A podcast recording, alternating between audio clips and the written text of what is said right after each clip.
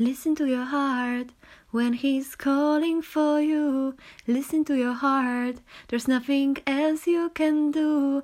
I don't know where you're going and I don't know why, but listen to your heart before you tell him goodbye.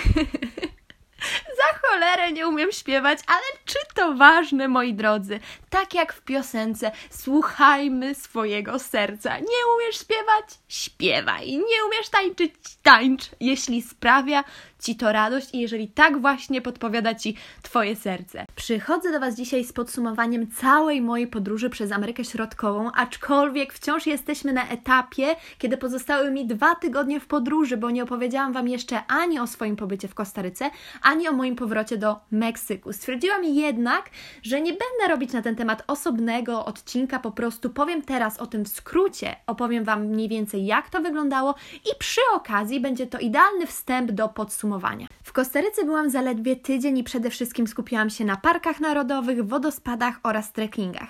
Kostaryka jest najdroższym krajem Ameryki Środkowej z tych, w których byłam, a nie byłam jeszcze tylko w Belize i Panamie, także jest póki co najdroższym krajem, w którym byłam w Ameryce Środkowej i wszystkie ceny w stosunku do turystów, czyli jakieś atrakcje turystyczne, za które płacimy, są podawane w dolarach.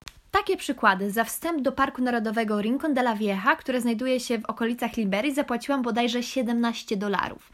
Za wstęp do wodospadu Llanos de Cortez, który również znajduje się w okolicach Liberii, zapłaciłam 10 dolarów. Więc no to nie są niskie ceny, tym bardziej dla podróżnika niskobudżetowego, będącego w podróży długoterminowo. Także o tym mówię. Każde atrakcje w Kostaryce, atrakcje naturalne, takie jak parki narodowe, wodospady czy miejsca trekkingowe, są po prostu odpłatne i nie są to ceny Ameryki Środkowej, które znam z poprzednich krajów. Kostaryka jest wręcz krajem nastawionym na turystykę i podejmuje się tam działania charakterystyczne dla działań europejskich związanych właśnie z turystyką, że nasz klient nasz Pan. Czułam jednak, że oni tego nie robili w żaden wymuszony sposób. To było dla nich bardzo naturalne. Oni są bardzo dumni z własnego pochodzenia, z własnej kultury i zasobów naturalnych, jaki ten kraj posiada, więc z chęcią, miłą chęcią pokażą Wam swój kraj z najlepszej strony. Wyobraźcie sobie, że przed wejściem do wodospadu Llanos de Cortez poznałam jednego z przewodników, który akurat wjeżdżał samochodem, takim wielkim busem z całą zgrają swoich klientów,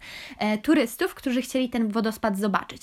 Minęliśmy się właśnie przy wejściu do tego wodospadu, kiedy ja płaciłam za wstęp i on do mnie, a co tu tutaj robisz sama? Ja mówię, no po prostu podróżuję sama i idę teraz do tego wodospadu. Mówi, ale dlaczego jesteś pieszo? A mówię, bo przyjechałam autostopem e, z miasteczka obok, od mojego hosta z couchsurfingu, no a teraz po prostu te kilka kilometrów do samego wodospadu chciałam się przejść do, do miejsca, gdzie mogę kupić bilet, no i tam chwilę sobie pochilluję. A on, że wow, ale jesteś fajna i odważna, że a, adventure, że ta przygoda na Ciebie czeka i że on bardzo, bardzo szanuje i, i kocha taki styl podróży, dlatego jest bardzo ze mnie dumny i będzie na mnie czekał tam przy tym wodospadzie, żebyśmy mogli sobie pogadać. No to ja już w ogóle miałam taki super humor, że dobra, zapłaciłam te 10 dolarów, ale przecież ten Lianos de Cortez to jest na pewno e, perełka nad perełkami, dlatego się cieszyłam, że jeszcze poznałam tego typka, że będę mogła sobie z nim pogadać. Poszłam do tego Lianos de Cortez, usiadłam sobie na pieńku i tam był właśnie już mój przewodnik, słuchajcie. Zaczął ze mną rozmawiać że jak długo już podróżuję, gdzie byłam, w jakich krajach, że o, przyjechałam dopiero co z Nikaragui, że ale super, że chciałby też do tej Nikaragui pojechać.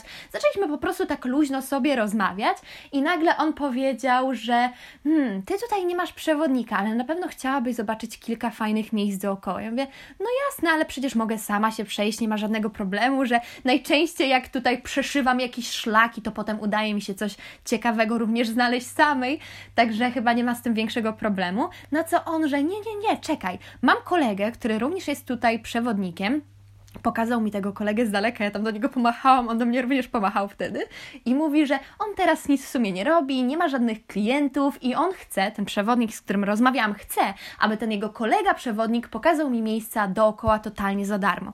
Na co ja, że nie, że nie chciałabym robić problemu, że on pracuje jako przewodnik, że ja może chociaż zapłacę e, jakąś część za, za tę usługę, tak to nazwałam, co nie? A on do mnie, że to żadna usługa nie jest, tylko przysługa, że ja jestem teraz jego przyjaciółką, że on bardzo docenia to, co ja robię, że sam chciałby podróżować w ten sposób, w jaki ja podróżuję i że to nie jest żadne wykorzystanie z mojej strony, tym bardziej, że on to zaproponował, a na pewno jego kolega będzie zadowolony, że może pokazać takiej osobie z Polski, to sobie powiedział, osobie z Polski e, zasoby własnego kraju.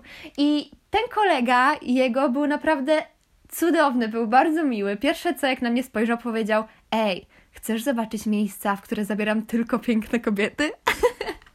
A ja już tak, nie? Banan na mordzie, przepraszam za wyrażenie, ale ja już banan na mordzie totalnie sobie, ale będzie ciekawie. Totalnie ufałam temu typkowi, bo zaufałam tamtemu pierwszemu. Z tamtym w ogóle się wymieniłam kontaktami, żebyśmy mogli się ewentualnie jeszcze zgadać w okolicy. Tym bardziej, że on do mnie mówi: pisz do mnie ile chcesz, przyjdź do mnie do domu, ja ci pokażę to, to, to i to i tak dalej. No ale potem już musiał iść, bo ta jego, e, jego zgraja klientów na niego czekała mimo wszystko.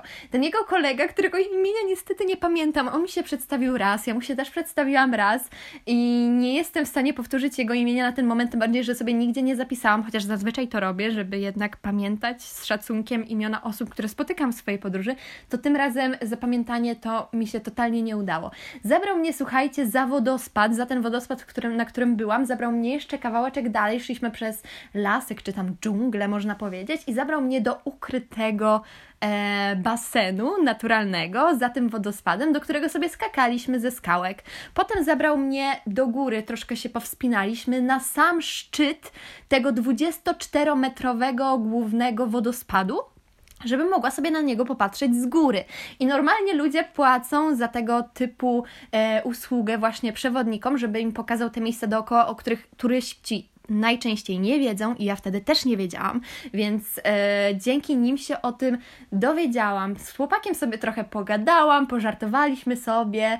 On tak po angielsku owszem mówił, bo był przewodnikiem, ale e, nie wiem, coś tam czasami nie byliśmy w stanie się dogadać żeby zrozumieć może o co nam dokładnie chodzi, więc padały jakieś takie podstawowe kwestie typu ile masz lat, co robisz w życiu, gdzie teraz jedziesz, jakie masz plany i jeszcze wiecie co, pokazał mi sowę. Dosłownie staliśmy i nasłuchiwaliśmy sowy, żeby potem ją gdzieś tam dostrzec w tych krzakach, na tych drzewach, więc bardzo fajne doświadczenie, jestem za to nieziemsko wdzięczna. I tutaj właśnie jest kwestia tego, że e, Kostarykanie są bardzo pomocni, bez bezinteresowni. To są ludzie, którzy chcą pokazać Ci z jak najlepszej strony swój kraj i e, jego najlepsze atuty i nie tylko. Mm, ja wtedy mieszkałam w ogóle w okolicach Liberii u hosta Couchsurfingu, u którego tak swoją drogą nagrywałam Wam odcinek e, podcastowy u Heinera i jego rodzinki. I u nich mieszkałam właśnie w okolicach Rincon de la Vieja, tego parku narodowego, o którym Wam mówiłam, który jest zarówno kompleksem wulkanicznym. Słuchajcie, tam są miejsca aktywności wulkanicznej, takie jak gorące bagna, jakieś tam gotujące się błota, co było dla mnie też fajnym doświadczeniem, aby to wszystko zobaczyć za jednym zamachem na dobrą sprawę, bo ja wtedy zrobiłam chyba dosłownie wszystkie trasy trekkingowe w tym parku narodowym, bo byłam w dwóch wodospadach, przy dwóch wodospadach, przy e, Escondido, do którego trzeba w ogóle się wspinać, o czym ja nie wiedziałam i do którego ta trasa wcale nie jest taka prosta, bo jeżeli akurat tego dnia nie miałam ze sobą ani wody, ani jedzenia i już byłam po jednym trekkingu do innego wodospadu, no to jednak odczuwałam to zmęczenie i ludzie, którzy szli w tamtą stronę, z czasem się mijali, bo nie byli właśnie w stanie podejść pod tą górę, e, która była tam ułożona trochę z kamieni z czasem, więc trzeba było po tych kamieniach się co nieco wspinać, żeby w ogóle się dostać na górę. Z tej góry trzeba było jeszcze zejść potem troszkę w dół, żeby jednak do tego wodospadu się dostać. Dlatego ja wtedy pamiętam, tego dnia podczas trekkingu w tym parku narodowym byłam 28 godzin bez wody i bez jedzenia, bo z domu Heinera wyszłam o godzinie 6 rano i ściągałam od razu stopa do tego parku narodowego. Nie wzięłam ze sobą wody, nie pytajcie czemu, ja czasami po prostu jestem głupia jak but. Nie wzięłam ze sobą wody, nie wzięłam jedzenia, ale założyłam, że może będę miała jakieś jedzenie, możliwość do kupienia jedzenia również w tym parku narodowym. Oczywiście tak nie było, bo tam nie było żadnych sklepów. Potem okazało się, że w ogóle że w tym parku byłam za szybko, że on był jeszcze zamknięty, że miał być otwarty od ósmej, ale jednak otworzyli go po ósmej czy około dziewiątej, więc ja siedziałam, czekałam i tak dalej. Ostatecznie się tam wdarłam, zrobiłam te wszystkie trekkingi, które chciałam, zobaczyłam te miejsca aktywności wulkanicznej, które zrobiły na mnie duże wrażenie. Co jeszcze widziałam, to małpeczki, bo w całej Ameryce Środkowej nie widziałam żadnych małp, a ja tych małp próbowałam naprawdę dostrzec e, bardzo często w tej podróży, a nie było mi to niestety dane. A w tym parku Rincon de la Vieja akurat małpek to było sporo i one sobie tam skakały swobodnie po drzewach. Próbowałam również dostrzec tukany, o których bardzo często się mówi, że właśnie w Kostaryce występują, a już w ogóle w parkach narodowych. Niestety tukanów nie udało mi się dostrzec, ale to nic następnym razem. Okolic San Jose udałam się już bezpośrednio do o nie, z okolic Ribery udałam się bezpośrednio już do San Jose, gdzie spędziłam bardzo dużo czasu z moim hostem couchsurfingu Willem, który okazał się świetnym typem. Z nim właśnie próbowałam e, prawdziwy, prawilny alkohol kostarykański, który się nazywał, czekajcie, czekajcie, sachike? Kacike? Sasike? O jacie, nie potrafię tego wymówić, nawet nie wiem jak to się wymawia, bo tego nie pamiętam, ale pisze się cy-a, cy-i, kue. Sacikę? kacikę. W każdym razie było mocne, trzymało, było dobre i ogólnie bardzo mi się podobał ten pobyt u niego, bo się dobrze dogadywaliśmy, dużo żartowaliśmy, dużo sobie opowiadaliśmy, w ogóle jakieś takie filozoficzne tematy wjeżdżały, więc było fajnie, a potem wybraliśmy się do San Jose La Montana, czyli też do takiego parku, troszeczkę poza stolicę, w którym, uwaga, uwaga, widzieliśmy tapira, widzieliśmy tapira, to był mój pierwszy tapir w życiu, a Will powiedział, że mam naprawdę szczęście, bo akurat o tej porze dnia one zbyt często nie wychodzą po prostu tak, żeby się pokazywać e, z dżungli na drogę, a on po prostu przeszedł przed nami, przed naszym nosem i widziałam tapira. Jeżeli nie kojarzycie, czym jest tapir, to tapir to jest, jak to się mówi, ssak z rodziny tapirowatych, z takim e, nosem wygiętym w dół, tak, tworzy się taka mała, zwisająca trąba.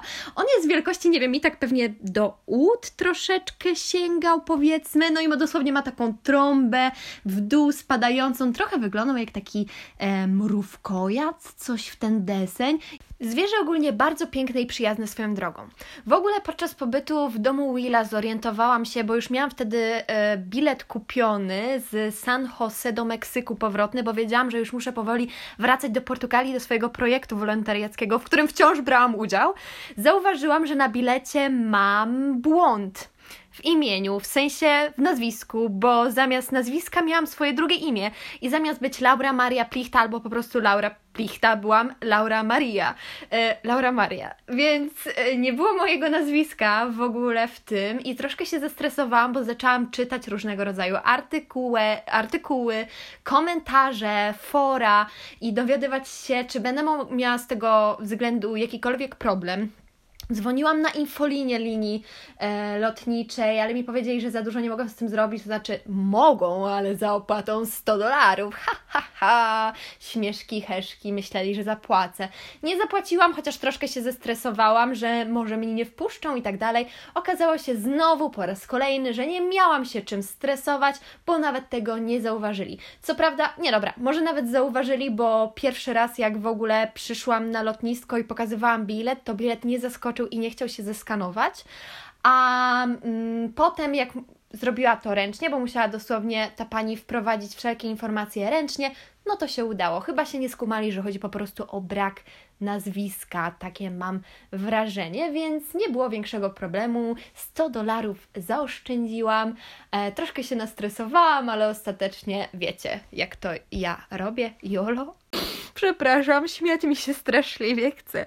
No ale ogólnie, wracając do tematu, wróciłam do Meksyku, gdzie już sobie stwierdziłam, że chcę troszeczkę odpocząć już po tej całej podróży, do, dokładnie dwumiesięcznej podróży, że zrobię sobie takie trochę, a wiecie, wakacje all inclusive prawie, bo wciąż na couchsurfingu. Także pierwszą część pobytu ostatniego tygodnia w Meksyku spędziłam u hosta z couchsurfingu Darwina, w ogóle z którym tam tańczyliśmy w nocy i z jego znajomymi robiliśmy sobie imprezki u niego na chacie, a drugą część e, tego mojego pobytu spędziłam w Playa del Carmen, gdzie wcześniej wcześniej mnie nie było właśnie i chciałam zobaczyć, jak to jest w tym słynnym Playa del Carmen, mieście typowym dla turystów i chciałam sobie odpocząć troszeczkę nad oceanem posiedzieć na plaży i tak dalej. I tam przez kilka dni gościł mnie Sasza, e, przewodnik z Ukrainy, który ogólnie powiada, poopowiadał mi bardzo dużo fajnych rzeczy związanych z podróżami, bo on mieszkał między innymi również w Kambodży, więc wymienialiśmy się jakimiś takimi spostrzeżeniami na temat Kambodży i ludzi w Kambodży i on mi dużo kwestii również wyjaśnił, bo owszem, ja już kiedyś w ogóle robiłam wywiad z dziewczyną, która mieszka w Kambodży po tym moim pobycie w Kambodży.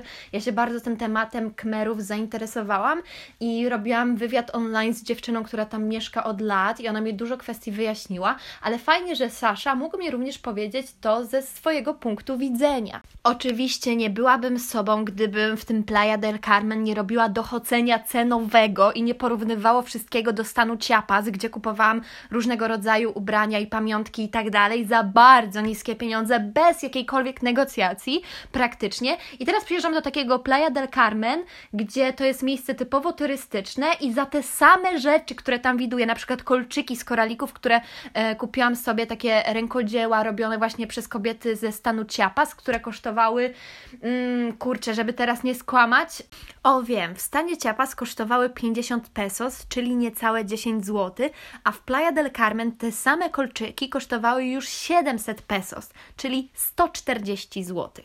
Wyszywana torebka z słonecznikami, którą kupiłam sobie w stanie Chiapas, kosztowała mnie 100 pesos, czyli wtedy na ten moment kursowo wychodziło to 19 zł, a w Playa del Carmen kosztowało 800, od 800 do 1300 pesos, czyli od 150 do 250 zł za tę samą torebkę. Ale to do siebie właśnie mają miejsca turystyczne. Owszem, nie mówię, że nie, bo na pewno osoby, które sprzedawały te rzeczy, musiały płacić większy podatek za miejsce, które wykorzystywały do sprzedaży właśnie, ale kurczę, czasem nawet ich stosunek do klientów był bardzo hamski. Byłam na przykład świadkiem takiej takiej sytuacji, kiedy klientka próbowała negocjować ze sprzedawcą cenę jakiegoś tam ubrania, a on zaczął na nią krzyczeć, że po co go pyta o cenę, skoro ona nie ma pieniędzy, że jebani Izraelczycy, oni to by wszystko chcieli za darmo. A kobieta, wiecie, ja akurat byłam obok niej, po prostu pytała, czy zjechałby z ceny i czy by mogła zapłacić mniej, bo ona aż tyle nie ma. Pewnie miała i on to zauważył, że to jest taka, wiecie, taka sytuacja, kiedy mówisz, no ale ja nie mam tyle pieniędzy. No to wtedy sprzedawca się wkurza i mówi, no to skoro nie masz tyle pieniędzy, to po co mnie pytasz o cenę i po co chcesz kupić ten produkt? Po co ze mną negocjujesz, skoro ty nie masz pieniędzy? A, no i myślę, że to go raczej wkurzyło, że ona powiedziała, że nie ma raczej tylu pieniędzy, żeby jednak ten produkt za tyle kupić i zaczęła się negocjować. No i się tak zaczęło piekło. Ej, dobra, zaczynam teraz podsumowanie całej podróży przez Amerykę Środkową. W Ameryce Środkowej spędziłam dwa miesiące, dokładnie 60 dni. Odwiedziłam Meksyk, Gwatemalę, Salwador, Honduras, Nicaraguę oraz Kostarykę. Poruszałam się przede wszystkim autostopem oraz czasami lokalnymi busikami, tymi chicken busami, o których Wam mówiłam. Pokonałam wówczas 3,5 tysiąca kilometrów. Wydałam 2030 zł przez te 60 dni bez lotów, ale już z całą resztą. Na te 60 dni wówczas wyniósł mnie budżet 33 zł, gdzie tutaj zaznaczam, że mój budżet dzienny w Azji, kiedy byłam w Azji 9 miesięcy, wyniósł 20 zł na dzień, a tutaj 33. Przede wszystkim dlatego, że Ameryka Centralna jest droższa. Mimo wszystko, no i więcej troszeczkę korzystam jednak z takich atrakcji związanych na przykład ze sportami ekstremalnymi, jak wulkanoboarding, zjechanie e, na desce właśnie z wulkanu, czy wspinaczka na wulkan Acatenango w Gwatemali. Także to są takie wydatki, które ja jeszcze tam w międzyczasie poniosłam dodatkowo, e, czego wcześniej na przykład nie robiłam właśnie w Azji, raczej ograniczałam się do takiego podróżowania typowo właśnie autostopem, odwiedzania e, miejsc przede wszystkim darmowych. E, weźmy to pod uwagę, dlatego tak to mniej więcej wyglądało. Ale słuchajcie, pewnie niewielu Was wie, ale ja pisałam pracę naukową o autostopie, pisałam swoją magisterkę o autostopie i wykonałam wtedy wówczas badanie na 310 autostopowiczach, ankietę może tak, a propos wolności w podróży. Wolności autostopowicza, żeby dowiedzieć się, czym ta wolność dla autostopowicza jest. I tam również um, te kwestie pieniędzy poruszałam. Było pytanie związane z tym, czy niskobudżetowy styl wędrówki zwiększa możliwość doznania wolności. Teraz przeczytam Wam, jaki e, był, jakie były odpowiedzi, dobra? Czytam. Brak środków w postaci pieniędzy jest traktowany jako wyzwanie, ale i wyzwolenie. 77,7% badanych uważa, że brak lub niewielka ilość pieniędzy potęgują możliwość doznania wolności. Można tutaj mówić o pewnego rodzaju ascetyzmie, dobrowolnym wyrzeczeniu się dóbr na rzecz osiągnięcia doskonałości egzystencjonalnej. Autostopowicze łączą tę filozofię także z umiarkowanym epikureizmem. Wyrzekają się dóbr, ale podstawę stanowi szczęście. Hasłem staje się carpe diem. Można zatem zaryzykować stwierdzenie, że umiarkowany ascetyzm i umiarkowany epikureizm kształtują autostopowiczów. I to jest piękne, słuchajcie, bo aż prawie 80% autostopowiczów przyznało, że właśnie brak pieniędzy albo niewielka ilość pieniędzy, jakieś takie skromne życie w podróży, może tak, zwiększa możliwość doznania tej naszej autostopowej wolności, która często wiąże się właśnie ze spaniem na dziko, z poznawaniem ludzi w podróży. A dlaczego wolność miałaby się wiązać z poznawaniem ludzi? A no to nawet słuchajcie o tym, mówił Sartre Ingarden w swoich filozofiach, że poznawanie ludzi inny jest e, nośnikiem również wolności. Ja akurat o, teraz szukam tej kwestii w moich notatkach. O, mam. Odpowiedzi badanych, teraz czytam, odpowiedzi badanych często nawiązują za Sartre i Gardenem do odczuwania wolności w momencie, kiedy można zjednoczyć się z innym. Poznawanie nowych, ciekawych, dobrych ludzi ma dla autostopowicza duże znaczenie. Pomaga zbratać się ze światem. Autostopowicze, mając na celu własną wolność, mają jednocześnie na celu wolność innego. Z takim, w takim znaczeniu inny staje się darem. Istnieje wzajemne pobudzenie każdej wolności i każda jest naraz u źródeł innej. To był cytat akurat z Ingardena. Więc może kochani, ja nie jestem po prostu skąpa, ale jestem ascetką i dążę do e, perfekcji egzystencjonalnej. Nie no, ja się tutaj teraz śmieję, ale ja uważam, że tak rzeczywiście jest, że ten nasz styl podróży autostopowy niesie za sobą jakieś właśnie pobudki e, ideologiczne i to nie jest kwestia tego, że my po prostu o, chcemy zaoszczędzić na wszystkim, bo nie będziemy wydawać pieniędzy, niech nam ludzie służą i niech nam ludzie pokazują, co chcą i niech nas ludzie nocują w swoich domach, bo po prostu o tak mi się należy to totalnie nie jest tak. I to nie jest tak, że my działamy w jedną stronę.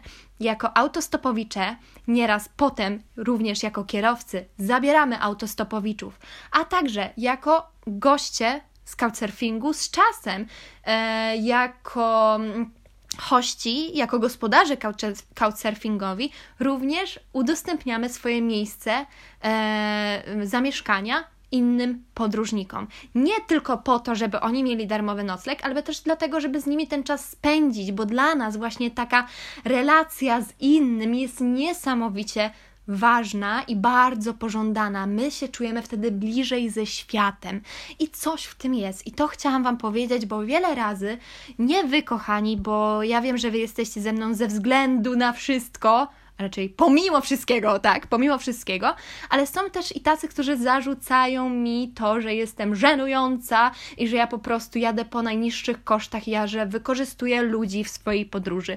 Więc e, dla mnie osobiście ma to znaczenie ideologiczne. Ja się podpisuję do subkultury autostopowej i ja nie robię tego, żeby e, jednak lecieć tylko po kosztach, chociaż zazwyczaj tych pieniędzy no, nigdy nie mam zbyt dużo, ale też dlatego, że po prostu taki minimalistyczny styl podróży najbardziej mi odpowiada i ja się dobrze w nim odnajduję. Słuchajcie, nawet gdybym miała miliony monet, ja bym tej podróży nie zmieniła na nic innego, uwierzcie mi.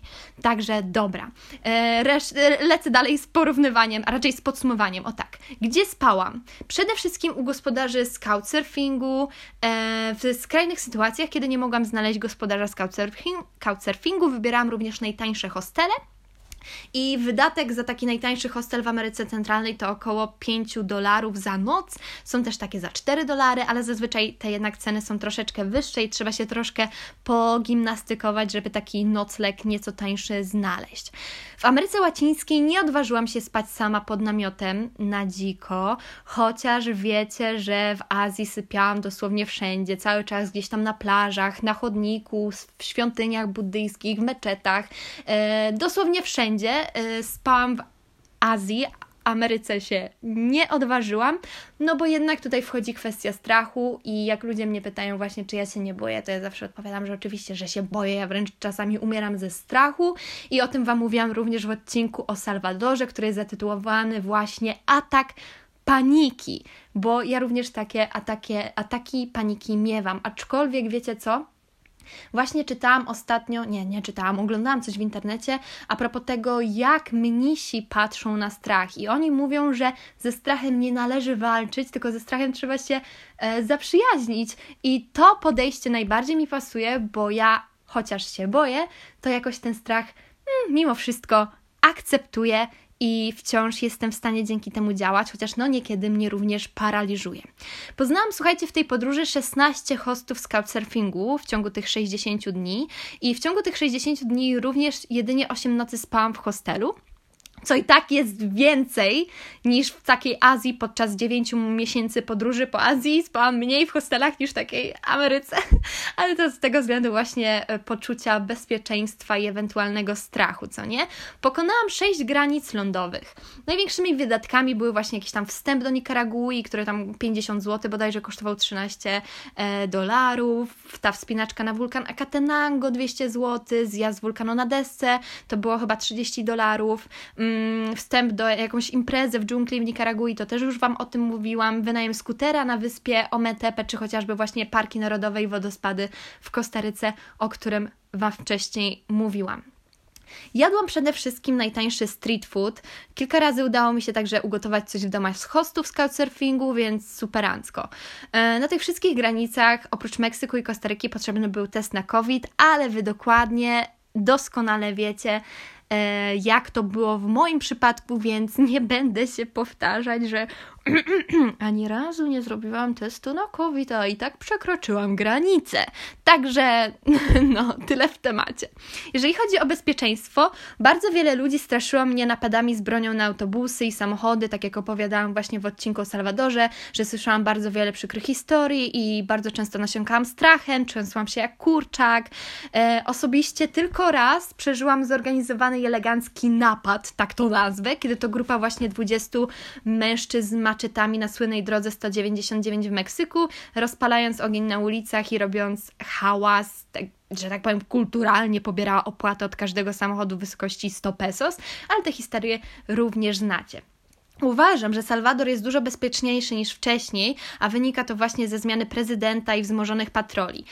O Nikaragui również wiecie, że troszeczkę tak jak w Nikaragui i w Gwatemali mężczyźni traktowali mnie jak taki typowy obiekt seksualny, że często na ulicach krzyczeli Linda, Bonita, wysyłając buziaki, robiąc jakieś dwuznaczne miny, co mnie bardzo, bardzo osobiście, osobiście krępowało, dlatego czasami wybierałam wybierałam sobie inny sposób transportu, czyli zamiast autobusu, zamiast autostopu wolałam na przykład wybrać sobie chicken busa i pojechać tym autobusem, gdzie nie było wcale lepiej, więc ostatecznie to nie pomogło. Ale uważam, że to były po prostu jakieś takie śmieszne według nich komentarze i że oni by mi nic złego nie zrobili, ale ja po prostu no, czułam się troszeczkę zażenowana i skrępowana i, i, i to mnie troszeczkę również ograniczano. Ale gdybym miała powiedzieć, ograniczało, gdybym miała powiedzieć, czy wybiorę się drugi raz w taką podróż w te same rejony, to powiedziałabym, że tak, że jak najbardziej, bo jednak ta wizja, którą miałam wykreowaną na podstawie cudzych opowieści, zanim pojechałam do Ameryki Środkowej, nie jest tak kontrowersyjna i okropna, jak wizja, którą mam teraz w swojej głowie i która w tej mojej głowie się rozrasta jak najbardziej. No teraz jak planuję Amerykę Południową, no to słuchajcie, nie wiem jeszcze, czy pojadę z kimś, czy nie. Był zamysł, że jednak pojadę z kimś, ale ostatecznie będzie jak ma być. Ja zawsze powtarzam, ja zawsze powtarzam, że, że będzie jak ma być. O! Bo słuchajcie, kwestia posiadania towarzystwa w podróży również nie jest mi obojętna i jak się okazuje, również nie jest obojętna w większości autostopowiczom, bo tutaj znowu cytuję swoją pracę naukową, kochani. 82,3% badanych jest zgodnych, że obecność niepożądanego towarzysza podróży może ograniczyć wolność osobistą podczas wyprawy. Inny, który staje się nośnikiem nieprzychylnych cech charakteru, często zwolennik wolności imperialistycznej, stłumia uczuci stłumia uczucie wolności u kompana włóczęgi. I ja mam podobne odczucia do swoich wcześniejszych doświadczeń związanymi z osobami, z którymi podróżowałam, ale również na pewno i ja byłam nieraz taką osobą, nośnikiem, zwolennikiem wolności imperialistycznej, komu ja nie podpasowałam w podróży. Także, no, ech, skoro nie mam jakby o, o osoby, z którą mogłabym na ten moment jechać, to jeżeli już zdecyduję się na jakiegokolwiek kompana, czy towarzysza, czy towarzyszkę, czy kompankę, to jednak będę bardzo zwracać uwagę na to, żebyśmy się w tej podróży rzeczywiście rozumieli i lubili, i, i wcześniej, zanim się wybiorę w taką podróż, będę musiała mimo wszystko to sprawdzić i się o tym przekonać. Także e, dziękuję Wam bardzo w ogóle za ten odcinek. Ja go nagrywałam chyba pół dnia, bo co chwilę coś mi się tutaj nie zgadzało albo nie zapisywało i miałam jakieś problemy z telefonem, ale ostatecznie się udało, więc ja się zabieram za nagrywanie kolejnego odcinka o serii najdziwniejszych sytuacji na autostopie, w podróży i tak dalej. Także do usłyszenia moi drodzy, a po kaszubsku do uzdrzeni.